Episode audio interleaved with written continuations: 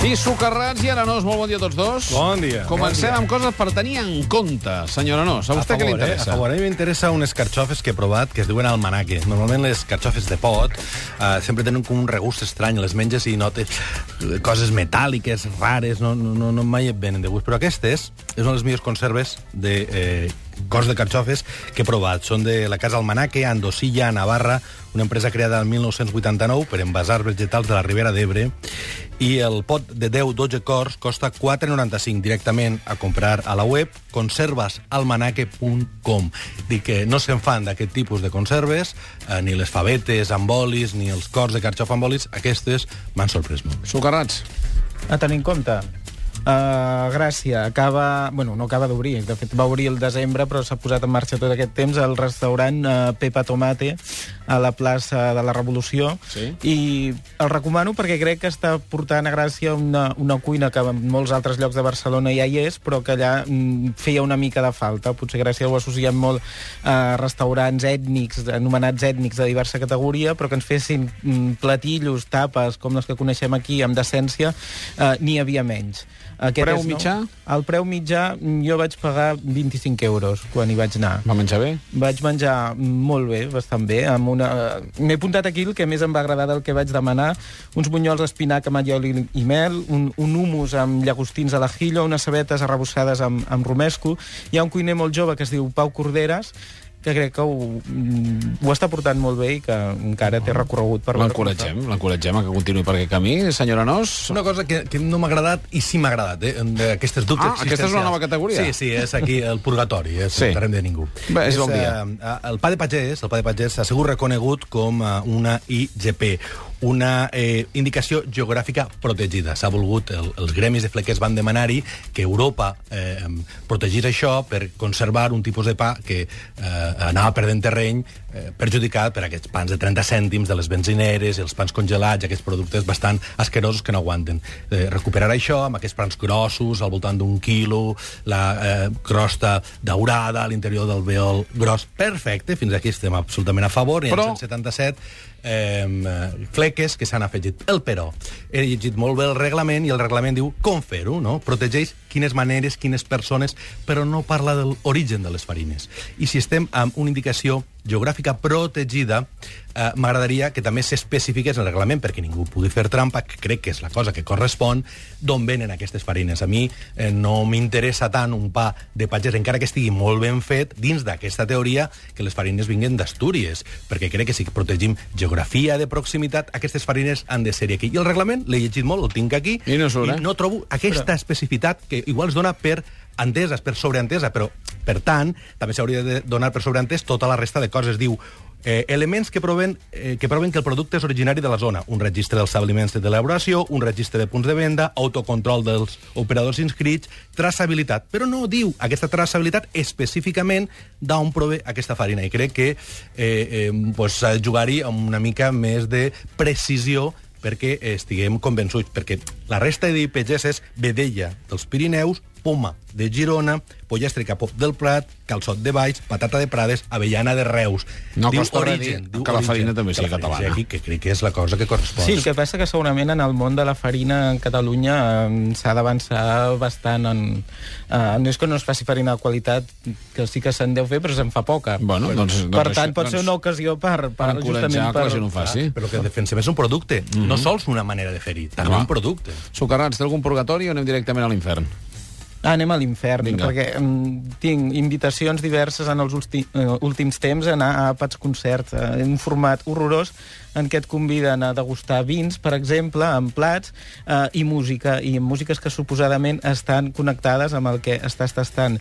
No disfrutes uh, els plats, siguin bons o no, no disfrutes els vins i no disfrutes de la música. És una combinació com infernal perquè no pots estar per tot a, a, a la vegada i a vegades em sembla que ens inventem coses que no són el que, el que han de ser. A mi la música en, a, en un restaurant, no sé, per dir-ne una de bona, per dir, direm que hauria de ser i no és, és en, eh, pensava en el Jardineto, aquest lloc entranyable antic, però que hi ha en Pere Ferrer amb el, amb el seu, dic, un lloc entranyable, sí. però estem parlant de la, de la música d'en Pere Ferrer, que sí que, Ja. que és un lloc interessant anar-hi per la música. És com fer dinars de negocis, que, com deia Ferran Adrià, són dues coses que no... o fas negocis o fas dinar. Eh? Fas el negoci i després fas... Va, baixi l'infern, Aranós. Què, Sí. què tenim?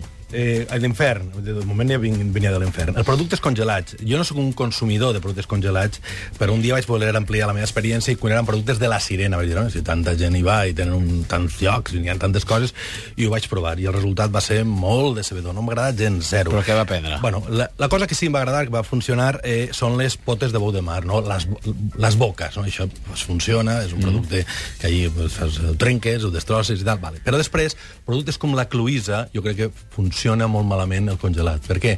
Perquè aquesta Cloïsa està tan agredida que acaba sent un producte molt petitó, que l'interior, eh, molt salat, molt desagradable, era no, no aquesta Cloïsa molt suda, grossa, que ens agrada, no? aquest plaer a obrir breument. És, és una cosa xarraïda, lletja, d'un gust molt poc agradable. Mm -hmm. Tampoc em va agradar gens la ventresca de salmó. La vaig trobar que una vegada descongelat o jo era quedava una cosa pastosa quan hauria de ser consistent. I, bueno, ja entenc que aquest tipus de productes s'ha millorat, que n'hi ha molta gent que els utilitza. Tampoc em va semblar barat, o sigui, no, no entenc que la història pugui per urgències, però noia, la, la cosa aquesta, el, el mol·lusc eh, congelat, eh, no, no vaig trobar que, que funcionés bé. I, mm -hmm. i decebedor, esperarem 10 anys més a tornar-hi a veure si ha millorat tot, totes les tècniques. No de congelació, sinó de... Eh, no, estava ben congelat. El resultat és que el que sortia allí era una cosa raríssima. Sucarrats. A favor, en Sí, contra? anem a favor, pugem, anem a pugem, favor, anem al cel. Vale, ara anem al cel una mica. Uh, ahir vaig estar amb el, amb el pastisser Jordi Bordes i com que de tant en tant també m'agrada treure aquesta nova generació de pastissers catalans que ho fan tan bé, doncs avui li toca el torn amb aquest pastisser de Viladecans, uh, pastisseria Santa Creu. Va ser un d'aquell equip rutilant guanyador del Campionat Mundial de, de Pastisseria l'any 2011. Alguns d'ells, com en Josep Maria Rodríguez, han obert pastisseria pròpia, la, la pastisseria de Barcelona es diu el carrer Aragó a prop de, de, de plaça Letamendi.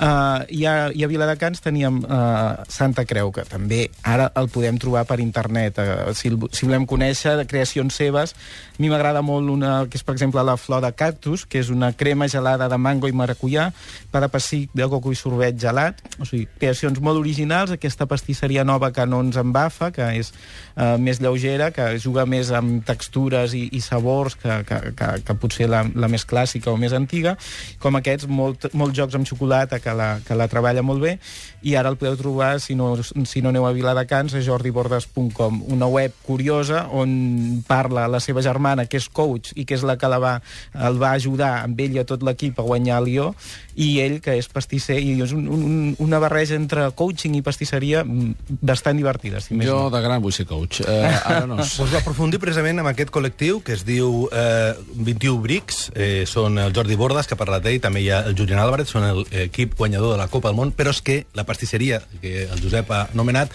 compleix aquest març un any i és una de les experiències més atractives ara mateix de la pastisseria barcelonina absolutament uh -huh. renovada. I per fer això han dissenyat un pastís, un pastís d'aniversari. Aquest pastís que du cruixent de galeta de xocolata amb avellana de Reus caramelitzada, territori, avellana de Reus, ens agrada molt això, pa de pessic, tendre de xocolata, esponjós de vainilla, compota d'albercoc i mousse lleugera de xocolata.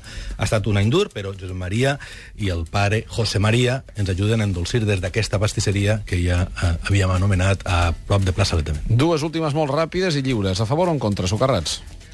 Uh, en contra, només per dir que em sap molt greu que hagi tancat Licho, el restaurant japonès que hi havia a l'illa Diagonal de Barcelona, un dels millors japonesos que hi havia aquí. Uh, sé que hi ha altres projectes de la mateixa família propietària i que estaran allà, però mm, a la cuina del mestre tant aquella barra amb, eh, amb aquells platets, amb aquell sushi, amb aquella fusió tan uh, interessant entre els productes de la Mediterrània i les tècniques japoneses, i ja no la tenim, i és una cosa que sap greu Ho lamentem. que hagi passat. I l'última, Aranós? Una experiència dolenta amb un dels restaurants ara mateix de moda, es diu Bardot, va obrir el mes de desembre, tenen plens absolut, a mi no em va agradar, no vaig disfrutar, vaig menjar, no vaig menjar bé, eh, veig a més que la nota de premsa, perquè es va presentar ahir, diuen que tornen al costum de cantar els plats, a mi no em van cantar res, i el, el plat que vaig menjar, que era un tomàquet copiat a Dani Garcia, estava mal fet, amb un farciment de xangurro i un exterior absolutament fred. No el recomano, esperem a veure si milloren. Molt bé, senyors, moltíssimes gràcies. Petita pausa i parlem amb els Llumia, que a més a més els escoltarem. Són finalistes del Sona 9, són en Dani Campos, en Jordi Bastida, l'Anna Fernández, la Carda Gordo i en Raül Pérez. Venim de seguida, en un minut, de fet, al matí de Catalunya Ràdio.